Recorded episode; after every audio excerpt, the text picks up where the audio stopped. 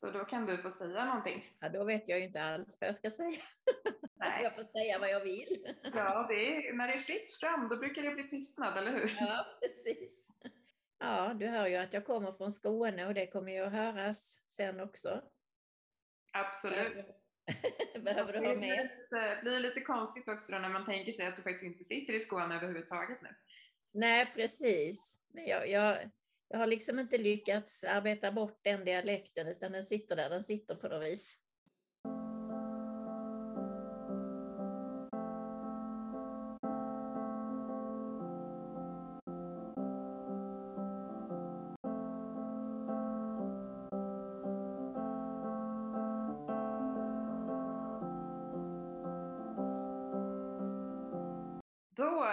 Jag er hjärtligt välkomna till det här avsnittet utav Waldorfpodden.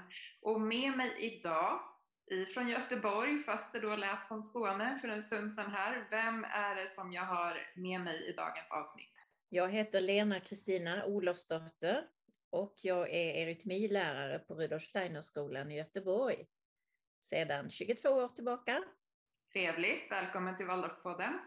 Tack så mycket. Men du är ju inte bara eurytmilärare, eller hur? Nej, jag är ju eh, klasslärare och undervisar en del i religion gör jag. Ja, jag har astronomi ibland, perioder i astronomi. Men annars är det ju eh, eurytmi och spel som jag ofta hjälper till med också. Jag har ju faktiskt haft förmånen för ett par år sedan att vara på besök hos er i Göteborg på Rudolf Steiner-skolan. Och då satte du faktiskt upp ett erytmispel som jag var och tittade på och det var ju otroligt fint att få se. Så det minns jag med stor behållning, fast det är några år sedan nu som jag var där och tittade på det. Är det sådana typer av spel du sätter upp eller är det andra spel också? Ja, alltså erytmispel försöker vi ju göra i vissa, år, i vissa klasser, gärna i klass 7 till exempel. Och lite grann inför åttans spel. Alltså det känns som att det är en väldigt bra Eh, vad ska man säga, uppvärmning eller, eller att komma in i att göra ett spel överhuvudtaget sådär. De brukar vara ganska korta, men poängen är ju att, att man arbetar fram någonting som man sen visar upp också. Att de blir lite vana vid det, att stå på en scen till exempel. Och sen har jag ju gjort i nian, jag har ju varit på Eurytmifestival eh, flera gånger och då när du var där så tror jag att det var, var det Mio min Mio eller var det Bröderna Lejonhjärta? Det var Mio min Mio. Mm. Ja. De är ju så tacksamma att göra eurytmi alltså. Och sen om man har en duktig musiker, jag har ju en jätteduktig pianist till som kan liksom väva in musiken på ett eh, konstnärligt sätt så blir det ju ofta bra faktiskt. Vilka åldrar ungefär brukar du sätta upp de här spelen med? Ja, alltså sjuan, då är de väl 13. Sen kan det vara i nian om det är en klass som, som tycker mycket om eurytmi, så kan vi till exempel göra ett erytmispel på blocktiden. Eh, och då nian, vad är de då, 15 tror jag. Så det är väl i de åldrarna egentligen som, som de riktigt kan gå in i en sån sak som en saga på det sättet i eurytmi, för det är ju ganska krävande. Förr i världen när vi hade gymnasium, då åkte ju vi på erytmiturné i klass 11 och det var ju fantastiskt roligt. Inte minst, alltså, det var ju väldigt roligt för de yngre eleverna att se de äldre och det, det gav, alltså det gjorde någonting med erytmiämnet. Att eh, de fick se vad det kunde bli av det på något sätt allt detta övande som man gör. Så, så, ehm, det, och det var ju jättekul för, för de eleverna som fick åka på turné. Få vara med om allt det, liksom komma till ett nytt ställe, bygga upp en scen, känna in hur är det här, du vet allt det där. Träffa, träffa elever från andra skolor och möta olika publik. Så det, det var verkligen en jätterolig grej. Men nu har inte vi något gymnasium längre tyvärr, så att det är slut med just den biten. Saknar du det? Oh ja, jag saknar det jättemycket. Alltså det, det är ju, gymnasiet är ju på något sätt kronan på verket på Waldorfskolan. Det är ju där allting kommer, vad ska man säga, till en oktav, om jag får uttrycka mig lite musikaliskt, att man, man har jobbat under alla åren och helt plötsligt så, så blommar det på något sätt liksom för eleverna. De de förstår, tycker jag mig ha märkt, lite mer av vad man har arbetat med liksom under alla åren. Det, det blir en helt annan relation till den åldersgruppen. Man, kan, man relaterar på olika sätt liksom till lite äldre elever. Så. Jag tycker det är jättetråkigt att vi inte har ett gymnasium. Och du vet ju att vi har försökt att arbeta, få fram ett gymnasium i Göteborg, men eh, det har inte lyckats hittills kan man säga. Och bara som en liten, i alla fall så här, kanske pyttelitet plåster på såren kan jag ju ändå flika in att, att söktrycket faktiskt just nu är väldigt, väldigt stort på de två Waldorfgymnasier som finns här i Stockholm. Så att det känns ju fint, men som sagt det är tråkigt att vi inte har kunnat behålla Karlgrenska eller att ni inte har kunnat starta upp där i Göteborg också för att jag tror att det verkligen hade behövts. Just för att söktrycket just nu då är så stort här i Stockholm. Ja. Det skulle behövas liksom en, ja men mer ute i landet kanske sådär. Men eh, jag tänker att vi ska också i alla fall försöka få reda lite på hur du kom i kontakt med Waldorfpedagogik för första gången. Det var ju för första gången, alltså det är ju svårt att veta när det var första gången, men eh, jag bodde i ett kollektiv, kan jag ha varit då, 20, 21. Och där var ju en, eh, en eh, kvinna då som hade två barn och hon pratade väldigt varmt om Waldorfpedagogik. Alltså jag hade väl hört namnet, ordet förut, men det var nog, ja, men hon var liksom så, så entusiastisk kring det där. Och, och så sa hon, det finns en, en sak bara, hon, hon liksom lovordade Waldorf, men en sak tyckte hon, förstod hon sig verkligen inte på, det var erytmi. Och det tycker jag, det, det, det liksom väckte någonting hos mig det där. Jag blev väldigt, väldigt nyfiken på vad det kunde vara för någonting. Liksom. Och sen så kanske, vad kan det ha varit, tio år senare så, så blev jag erytmilärare då själv. Så att, eh, och barnen, eh, vi letade ju efter skola till, till barnen. Eh, jag har ju en pojke och en flicka då, födda 80-84. Det var genom vänner och du vet sådär, så jag upplevde ju att den vanliga skolan var andefattig. Jag, jag, jag kommer ihåg att jag gick i korridorerna och kände att ska jag verkligen lämna mina barn till det här? Jag umgicks ju också med människor som hade barn på Waldorfskolan. Sen gick jag i en, något som hette proseminarium, hamnade jag i, men det var många föräldrar som gick. De hade någon kurs på Rudolf Steiner-skolan.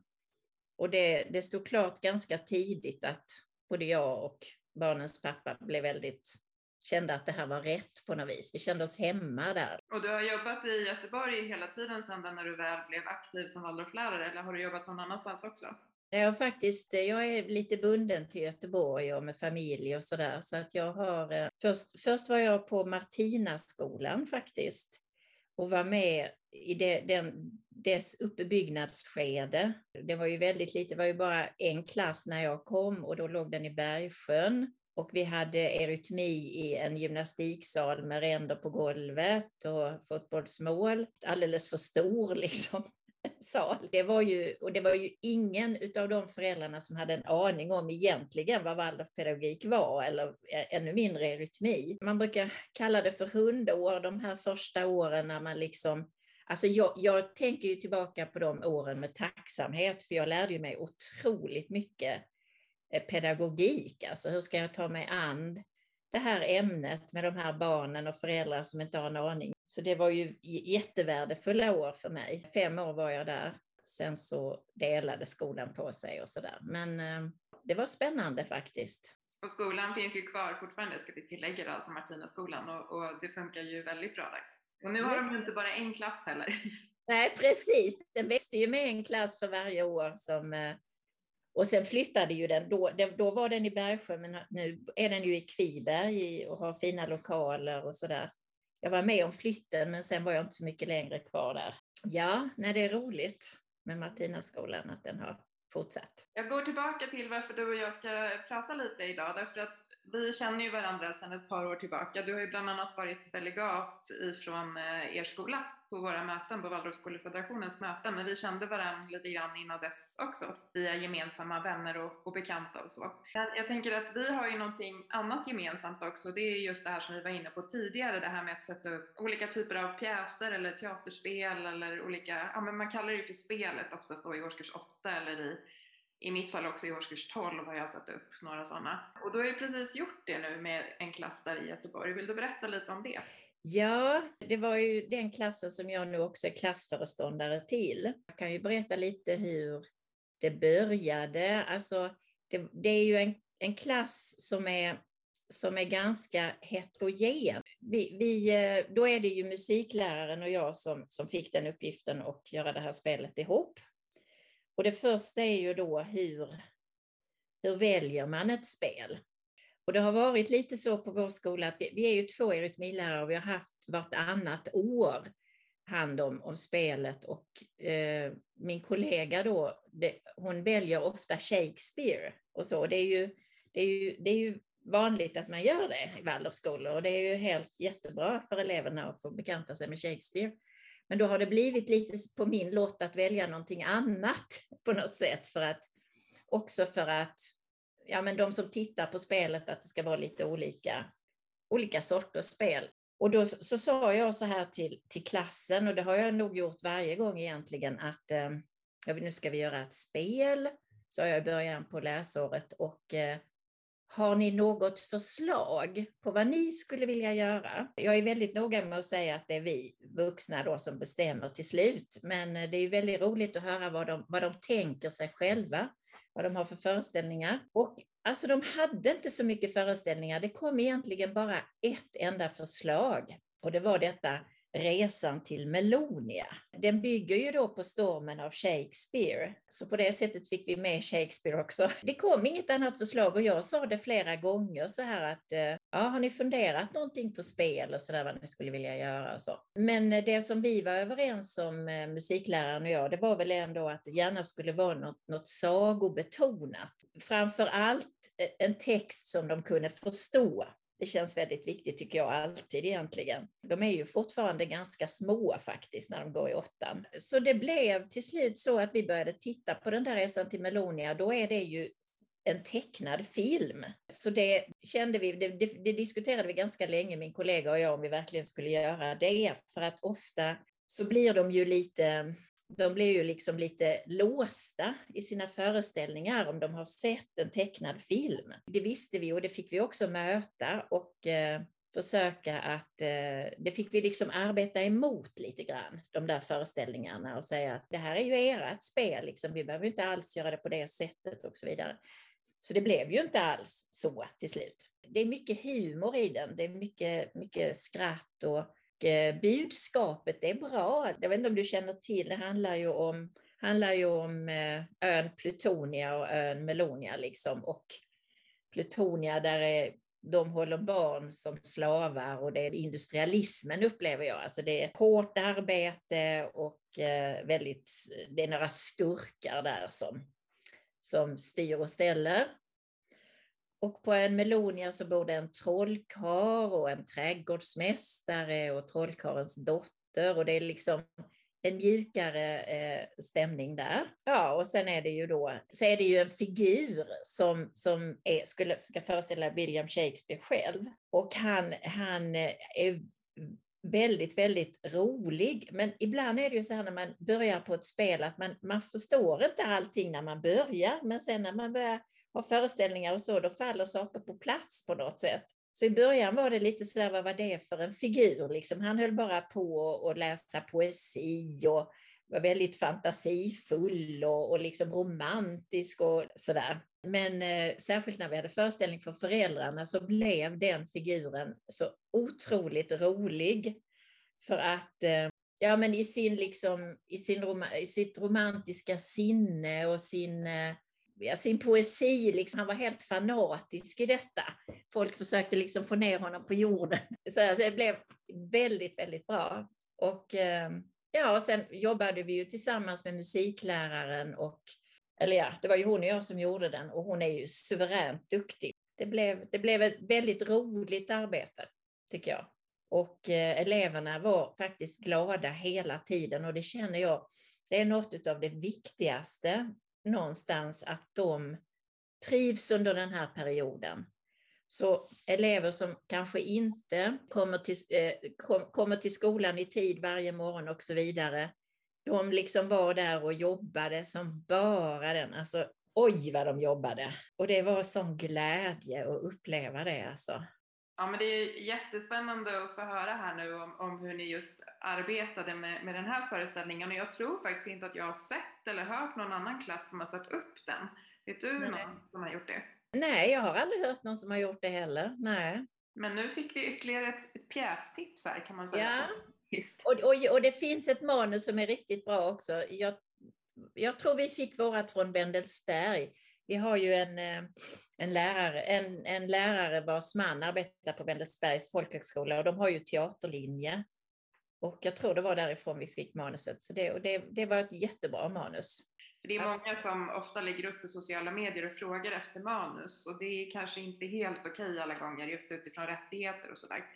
Så det är bra att säga att, att man i möjligaste mån faktiskt då ska vända sig just till de här godkända ställena så att säga. Precis. Det är ju bra faktiskt. Men nu vet vi i alla fall att resan till Melonia blir en, en ny kanske sån här som seglar upp nu som en liten favorit för någon, mer än för er sådär kanske. Ja, hoppas det. För att eh, om man vill göra ett roligt spel för barn så, så är det ett bra spel tycker jag. Jag tänkte på en sak som du sa här nu när du berättade. Du sa just där att det är viktigt att alla har roligt och det är viktigt att man känner att det liksom flyter på och sådär. Eh, och jag har ju precis som du satt upp åtskilliga pjäser och föreställningar genom åren här när man har varit i skolan. Eh, och det är ju inte alltid som det blir så, tyvärr. Nej. Alla elever är ju så olika. Vissa, för vissa tycker jag att det här är det roligaste som har hänt dem under hela mm. skoltiden. Och de går helt och fullt upp i det här med pjäsarbetet och att liksom bara, ja, men göra någonting annat som bryter av från vardagen. Medan mm. andra elever är precis tvärtom de förstår inte varför man ska bryta de här rutinerna eller förstår inte vad man ska, vad ska man med den här pjäsen till, så vad ska det leda till? Mm. Hur tänker du kring de sakerna? Är det någonting som ni har pratat om med eleverna och så inom åren också?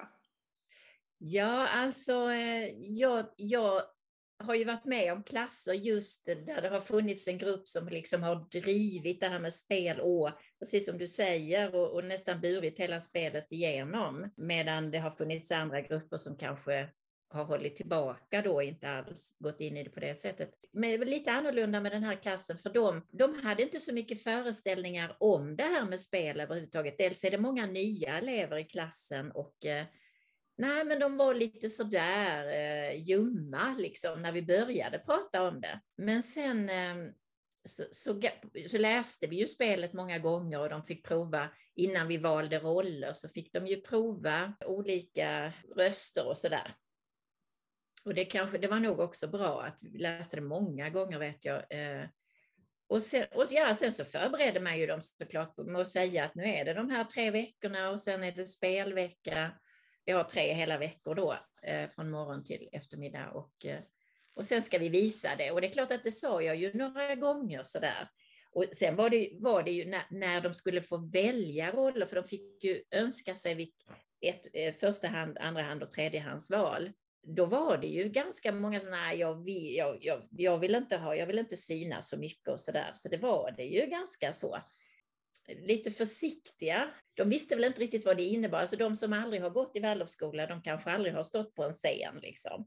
När de då fick sina roller så pratade vi med dem en och en och sådär. Och, och, och, vi sa, vi, vi, jag sa vi kommer ju hjälpa er jättemycket med detta och så. Det, så jag tror de kände sig ganska trygga på något sätt. Eh. Och, och sen var det väldigt roligt att en av dem som knappt absolut inte ville stå på en scen hon kom ju då tredje veckan och sa kan vi inte bara fortsätta med att spela teater? Alltså den här goda stämningen betyder så otroligt mycket.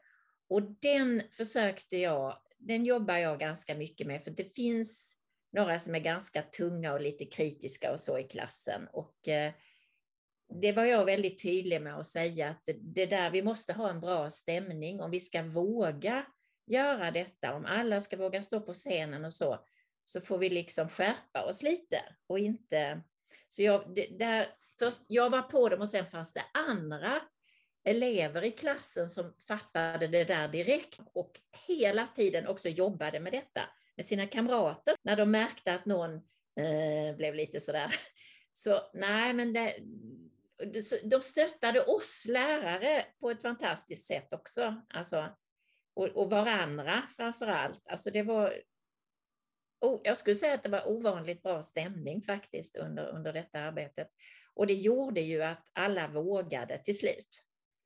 Vi hade en ljusmästare som inte ville stå på scenen, men annars var alla där. Och jag tror de var lite, flera av dem var lite förvånade själva faktiskt att de, att de vågade så pass mycket. Så det var, och det var ju så fantastiskt att vi sen fick visa det för föräldrarna, du vet, och att restriktionerna precis den veckan så bröts restriktionerna så att, eh, att de får det gensvaret från sina föräldrar, att föräldrarna är glada och ser dem, att de får liksom uppskattning och beröm och du vet, alltså det är sådana där saker tycker jag är så oerhört viktiga för deras självförtroende och för resten av tiden i skolan, att de kan ha sådana positiva upplevelser. Det är väl det jag kan säga. Sen hade vi, la upp det lite så att vi hade, vi började dagen med ett stormöte, lite grann sådär. Jag kände att jag tycker också det är väldigt viktigt att så mycket eleverna kan, det är ju deras spel, alltså de ska vara med i processen på något sätt. Så att vi, vi la upp dagen och vi hade ju förslag såklart, så här tycker vi.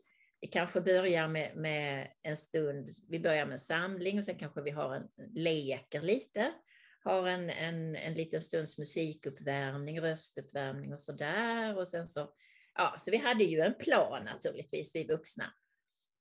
Och vad tycker ni om det? Och det, ja visst, så får, det, det, det, var de ju med på. Men det var ju till och med så här ibland så sa vi att vi slutade kanske halv tre istället för tio över tre. Nej, men ska vi inte jobba fram till tre? Vi måste liksom... Det var ju elever som inte ville gå hem, det kan jag ju säga, på eftermiddagen. Och sen en annan sak som jag också tror att hade viss betydelse för det här med, med tryggheten, kanske, jag vet inte, men på ett ganska tidigt stadium, och det har jag märkt, det har jag gjort tidigare, det är ett väldigt bra sätt att komma in i, i liksom handling och allting sånt. Vi, vi delade in oss i grupper då. En musik och ljudgrupp till exempel. En scenografi och rekvisitagrupp. En ljusgrupp. Också smink och kläder. Och eh, de fick liksom dyka in i manuset och, och liksom börja diskutera och komma in i handlingen, försöka se lite bilder. Hur kan man göra med detta och så. Och där, jag, jag gav dem inga begränsningar överhuvudtaget, utan låt fantasin flöda. Liksom. Och de kom ju fram alltså, med fantastiska eh, idéer där, som vi bara kunde säga, fantastiskt liksom. Och att man då kanske inte säger att det går inte att genomföra, utan man låter dem vara kvar i den här entusiasmen så länge som möjligt. Och sen får då andra träda in, så då fick de ju möta träslöjdsläraren till exempel. Och så kan träslöjdsläraren ge dem lite ramar, att vad som är möjligt till exempel och så vidare. Va? Så att det, det kände jag, där väcktes en entusiasm som sen, som sen på något sätt var kvar under hela, alltså de var med i hela spelet och det, det, det, det känns väldigt bra tycker jag. Du fångar ju någonting där som jag tycker är så otroligt viktigt när man också jobbar med just spelet i årskurs 8, men även i årskurs 12, men framförallt i årskurs 8 skulle jag säga. Just det där att få vara med. Yeah. Alltså medbestämmandet. Mm. Även om man kanske inte har fått vara med och valt pjäs, eller man kanske inte vet vilka pjäser som finns. Just att dela in i de här grupperna som du berättar om, så jobbar ju jag också. Mm. De blir ju så otroligt glada och vissa hittar faktiskt också i årskurs 8, men vänta lite nu, jag vill faktiskt utbilda mig till till exempel frisör eller maskör eller hålla på med smink eller jag vill göra, hålla på med ljus eller ljud som man liksom när de ska välja sen till gymnasiet. Att de kan redan där se att men det här har ju jag fallenhet för. Jag är mm. bra på de här bitarna. Precis. Eller att man kanske kommer på att man vill gå teaterinriktning eller att man vill gå musikinriktning och sådär. Så att jag kan känna att på så sätt är ju åttans pjäs också oerhört värdefull. Mm, precis. Och precis det du säger, alltså under det här spelet så, så, så kom ju, de kom ju fram liksom med sina begåvningar som jag inte är säker på att de visste att de hade. Det, det var ju enormt härligt. Ja, och där, jag brukar också säga det till klasserna, att, att kom ihåg att det finns ett innan och ett efter. Mm. Och då hör de alltid så här, vadå ett innan och ett efter? För de är ju väldigt skeptiska när man säger det innan.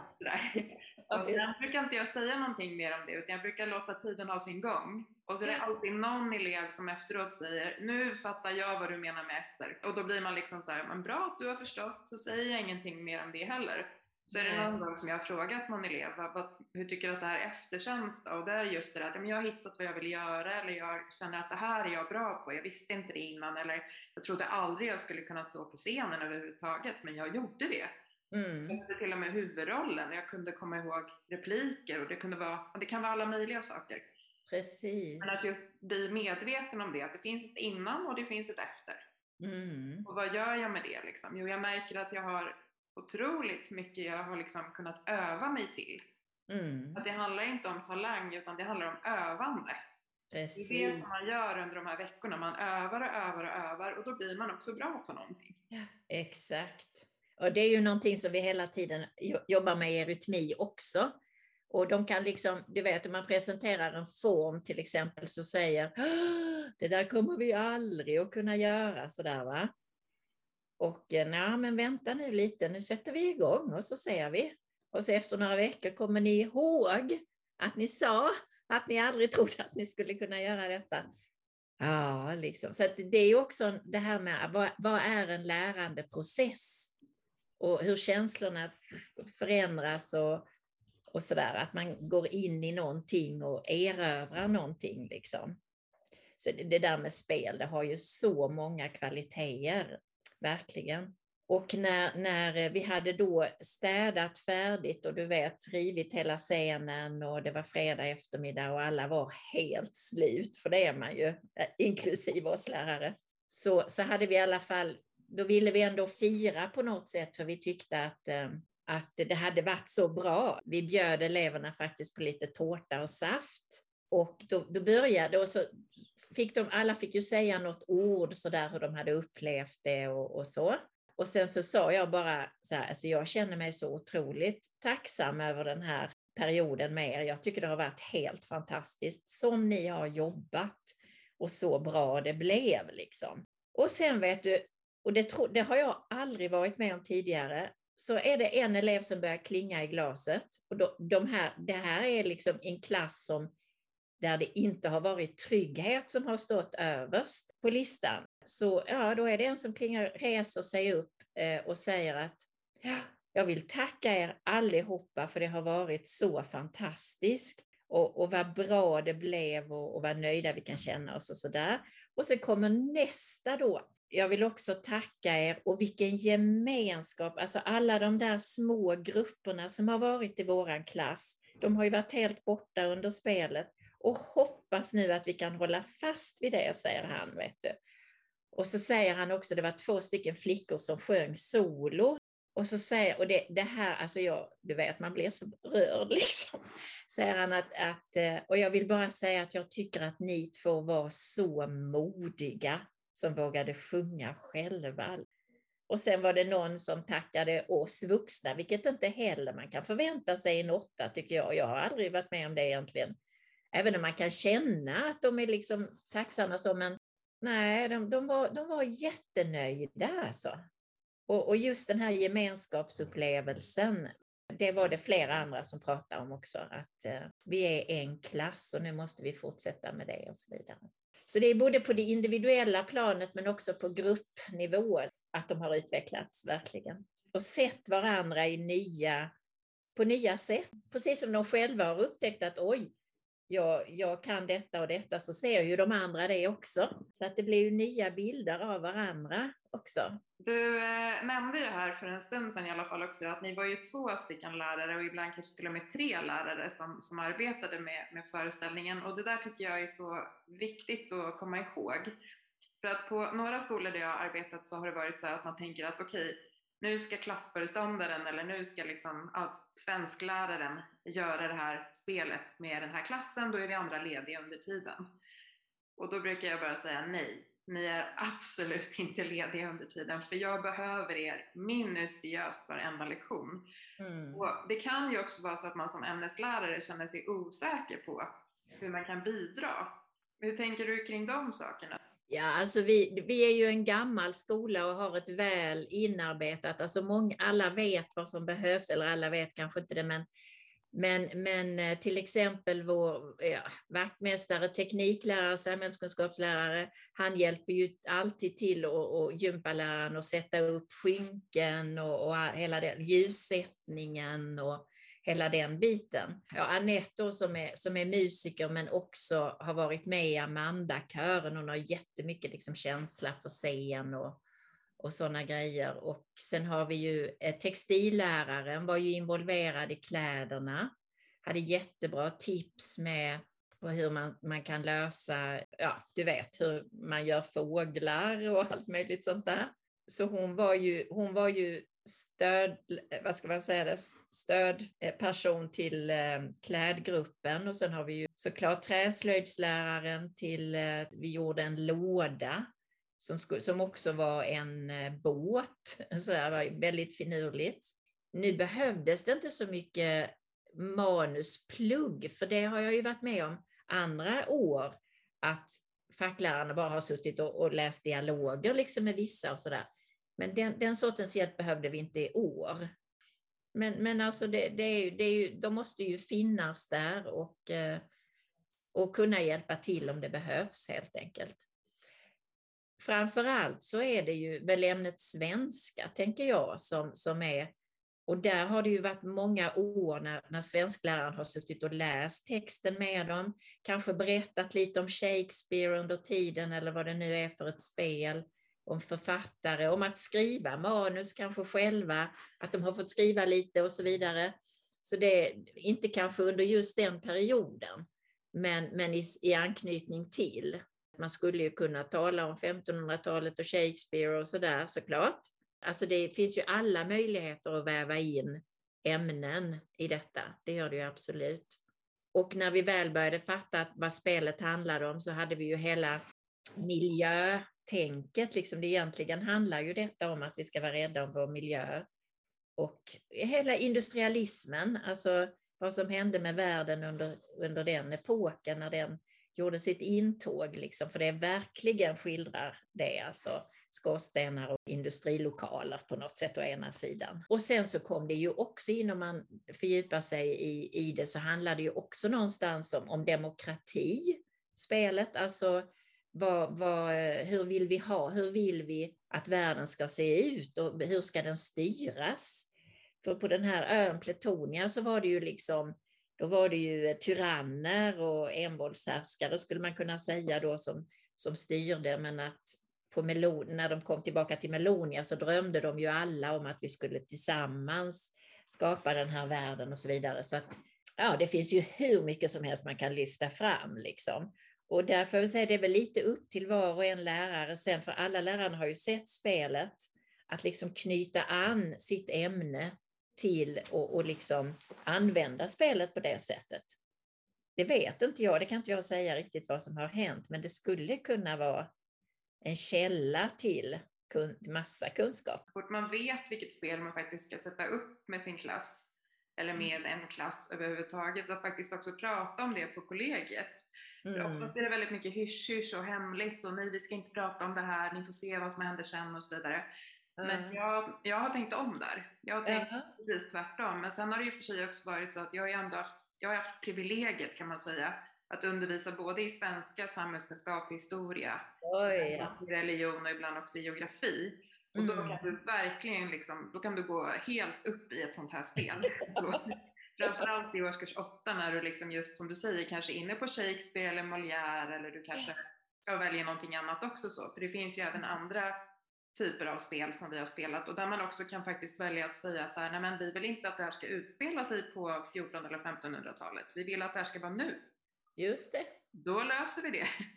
ja, precis. Och hur skulle det varit om det var idag? Och så pratade ja. vi ganska länge också, kanske på samhällskunskapen eller på historien eller vad det nu än är. Och så. Men att, att just tänka att det här är väldigt, väldigt brett som du säger också. Mm. Det kan mm. röra väldigt mycket saker av det och det ingår ju också i väldigt många olika ämnen. Verkligen. Att det som du säger, det går att väva in det i olika, i olika begrepp och olika saker att tänka på. Och på så sätt kan man ju koppla det också väldigt starkt till Lgr 11 som snart då ska bli Lgr 22. Så att jag tror att det finns kanske också någon rädsla någonstans om att ja, men nu när ni håller på med det här teaterspelet då går de miste om ganska mycket andra saker. Det mm. försvinner tid i skolan och så. Men för mig är det oerhört viktigt att tänka att man kopplar ju det här till det som man ska lära sig. Alltså det ska inte, inte vara utanför ordinarie undervisning så att säga, utan det ska ju kopplas till ordinarie undervisning. Ja, visst. Nej, vi pratade nog inte så mycket om det innan, men, eh, men eh, jag, jag tänker att det har väckt tankar hos många lärare hur man skulle kunna gå vidare med det. Ja, jag tänkte jag skulle komma in på nästa sak här nu och det mm. är ju just det där med hur länge man får hålla på med spelet. Mm. Jag har upplevt att på vissa skolor så har man två veckor på sig och då kör man liksom heltid två veckor.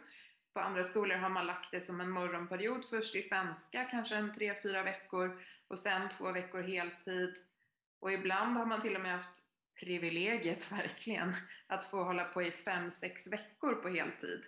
Mm. Just för att skolorna som gör det har förstått det här som jag sa precis innan här. Just att om du väver in alla de saker som man ändå ska göra i årskurs 8 i de olika ämnena i mm. det här, mm. då förlorar du liksom inte någon undervisning i alla fall. Nej. Eh, men då måste man ta ett helhetsgrepp. Med en fri värld där du fick önska fritt. Mm. Hur länge tycker du då att man ska liksom kunna hålla på med just teaterspelet? Jag vet jag, jag, jag är väldigt nöjd med, de, med, med det som var nu. Alltså nu låg det mellan jullovet och februarilovet till att börja med, så det var liksom en... Vi skulle vara färdiga till februarilovet och då, hade vi, då blev det fyra veckor. Och jag, jag är inte säker på att det skulle ha blivit bättre om vi hade längre tid faktiskt. Men däremot så vill man ju inte känna det där att man inte har hunnit bli färdig, eller vad jag ska säga, färdig blir man kanske, men det finns ju alltid man kan slipa vidare och man kan ju göra det såklart helt fantastiskt. Men jag menar, det, det är trots allt, vi är fortfarande bara i åttan. Jag skulle nog hellre i så fall satsa fler veckor på ett tolvanspel faktiskt. Men jag tycker liksom att de har fått den här pausen från det teoretiska. De har fått gå in i den här världen som, som är en helt annan värld, liksom, de här dagarna Eh, i tre veckor. Och vi, sen måste man ju hitta ett manus som passar. Jag menar, det får ju inte vara för långt heller, spelet och så. Va? Eh, detta spelet och den här klassen tror jag det passade oerhört bra med tre veckor och så en fjärde spelvecka faktiskt. Vi la ju an allting så att säga. Vi var ju, hade ju gått igenom alla scenerna ungefär hur de skulle se ut de första två veckorna. Sen den tredje veckan så var det liksom finliret och massa tekniska lösningar kanske och sådana saker. Hellre en intensiv period, men att det blir bra, eh, än att ha för länge eller för kort. Alltså jag tycker det var precis lagom faktiskt. Eh, vi har ju den traditionen på skolan eh, och det är klart att det beror på vilken kultur man har på sin egen skola. Men vi har ju, den har ju funnits i 50 år och det här med spel har ju alltid varit en viktig del. Så att det har ju inte varit ett dugg ifrågasatt, vilket jag kan tänka mig att det kanske kan vara på en ny, nystartad skola. Det är en helt annan grej. Men här har vi år efter år sett resultatet, vad det har fört med sig, hur viktigt det är och, och sådär. Så att det har liksom satt sig. Så det är jag glad för att det är någonting som skolan prioriterar och förstår är viktigt. Alltså. Det, det känner jag. Mm. Ja, och där tror jag du sätter fingret på något jätteviktigt. Just det här att, att inte tappa bort den här kulturen som vi ändå har mm. i våra skolor.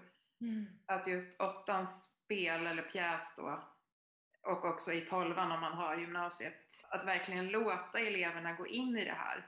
Ja, att, att låta dem gå igenom en sån här process. Och som sagt, det, det faller olika ut varje år. Jag kan säga att jag har aldrig, under alla år som jag satt upp en föreställning, så har jag aldrig vetat hur det ska bli när man sätter igång. Nej. Det kan gå på alla möjliga sätt. Ibland har vi stått två dagar innan och elever har inte kunnat replikerna och man har sagt att vi får blåsa av det här, det här kommer ja. inte att gå. Och så plötsligt två dagar senare så sitter det. Och ibland har vi haft liksom elever som har kunnat sina repliker i flera veckor i förväg men som plötsligt dagen innan får blackout totalt. det, har varit, det har varit mycket saker genom åren sådär. Och mm. också ibland har det varit, ja, men som förra året, året innan när det har varit covid och inte, just som du säger, ingen publik, vad gör vi då? Mm. Kan vi spela in det eller vi får bara spela det ändå och så får vi kolla vad som händer. Sådär. Kanske till och med spela upp utomhus har det ju mm. varit också. Mm. Så att man måste ju såklart vara väldigt, väldigt flexibel när man sätter upp en föreställning också. Absolut. Tänka, tänka på det som jag har som ett av mina livsmotton faktiskt, lita på det oväntade. Det får ja. det går liksom. Alltså att mm. lita på det som, som kommer vara oväntat. Man vet inte hur det går. Men jag känner ju igen det där. Jag brukar ju har tidigare varit ganska sträng med att de har fått manuset i god tid och så ska, ska de kunna sina repliker nästan när vi sätter igång, va? för att det ska kunna bli ett konstnärligt arbete. Men det är ju såklart aldrig så att alla kan det då. Eller så där. Och med den här klassen kändes det, det, det, visste vi från början att det går, den metoden funkar inte. Eh, utan vi, vi får lära oss det efterhand, men vi får vara väldigt metodiska. Så att vi, de fick, när de kom på morgonen så fick de sitta en stund faktiskt och bara titta på sina repliker. Och sen fick de i olika scener liksom bara sitta och jobba med orden så där du vet. Och, och, och i flera omgångar faktiskt och sen ställde vi dem på scenen och ganska snabbt så kunde de släppa manus faktiskt. Vi hade ju, också, vi hade ju en assistent med oss som hela tiden hjälpte till med manus. Och det var ju väldigt bra för att jag, jag vill ju gärna vara där hos dem på scenen och liksom men just det här att någon, någon stöttar dem i det, att de vet att det finns en trygg person där som alltid hjälper dem med det. Det tror jag också betyder jättemycket för, för särskilt de som var lite kanske otrygga när vi började sådär att skulle de klara detta? Avslutningsvis så undrar jag ju såklart då, hur länge till tänker du sätta upp pjäser? Ja du, det, det, ja, som sagt, som sagt, de senaste tre pjäserna har jag nog sagt att det här var det sista, så att eh, det får man väl se. Jag går ju gärna in och sätter upp pjäser i de klasser som jag har i erytmi. Vi följer ju klasser från ettan till nian, samma klass, och då, då, bli, då blir man ju liksom bekant och man är ganska trygg, de är trygga med mig och så vidare. Och det är ju en bra förutsättning tycker jag när man ska sätta igång en sån process. Vi får väl se, men jag kommer ju inte att jag är ju på väg att fasa ut mig lite grann nu från skolan. Jag är på väg att pensioneras så att eh, jag vågar inte säga något bestämt där. du, du, kommer inte göra som jag då, som dyker upp lite som gubben i lådan fast jag har slutat som lärare till och med nu då. Så att för ett år sedan nu blev jag ju om, ombedd där på Idunskolan där jag jobbar som studievägledare att just bara komma och hjälpa till med med åttans spel därför att deras klassföreståndare och jag gjorde ett spel tillsammans för många år sedan innan också. Okay. Eh, och då märkte jag också att det var ju i sig också en skillnad. Att gå från att vara liksom heltidslärare till att bara dyka upp under fem veckor. Mm. Du har så otroligt mycket mer energi då när du ska jobba med en sån här föreställning. Det var liksom som att man bara så här, alltså outtömlig energi på ett helt annat sätt. Uh, uh. Så det, det kan jag verkligen känna att ja, det skulle jag kunna tänka mig igen. Sådär. Mm. Och som sagt, lite gästspel här och var, det tror jag både du och jag kan tänka oss framöver, eller hur? Jo, det är inte helt omöjligt. Jag har väl sagt till eh, på skolan att när jag går i pension så jag, kan jag ju mycket väl tänka mig i alla fall att vikariera. Och då får man ju se vad man behövs, så att säga, om det är på ett spel eller, eller sådär. Så man ska väl man ska akta sig för att låsa sig i föreställningar, men ja, men roligt är det i alla fall. Mm. Om det är så att någon som lyssnar på det här avsnittet har frågor kring just det här med att sätta upp åttans pjäs eller spel då, då och även i årskurs 12 om man sätter upp där, så får man ju jättegärna höra av sig till både dig och mig. Absolut, det är bara roligt om man kan hjälpa andra. Ja, precis. Och vi har ju också en hel uppsjö utav pjäsförslag, både du och jag, så det är inte bara resan från Melonia som vi har pratat om idag, utan vi har ju också spelat otroligt många andra uppsättningar mm. och pjäser genom åren. Och, och, verkligen inte bara Shakespeare, ska jag också betona, utan det har varit andra saker också. Mm. Så det kan jag också varmt rekommendera, att man vågar sig utanför Shakespeare och Molière-boxen då och då. Stort tack för att du var med i det här avsnittet och eh, som sagt, jag hoppas att du eh, får det fortsatt bra nu här under våren där i Göteborg och att vi kan ses snart igen på riktigt. Om du kommer till Göteborg så hör av dig. Det ska jag definitivt göra, det lovar jag. ta en fika och prata vidare. Absolut. Mm. Tusen tack för att du var med nu. Tack, tack så mycket Jessica. Tack. Hej då. Hej då.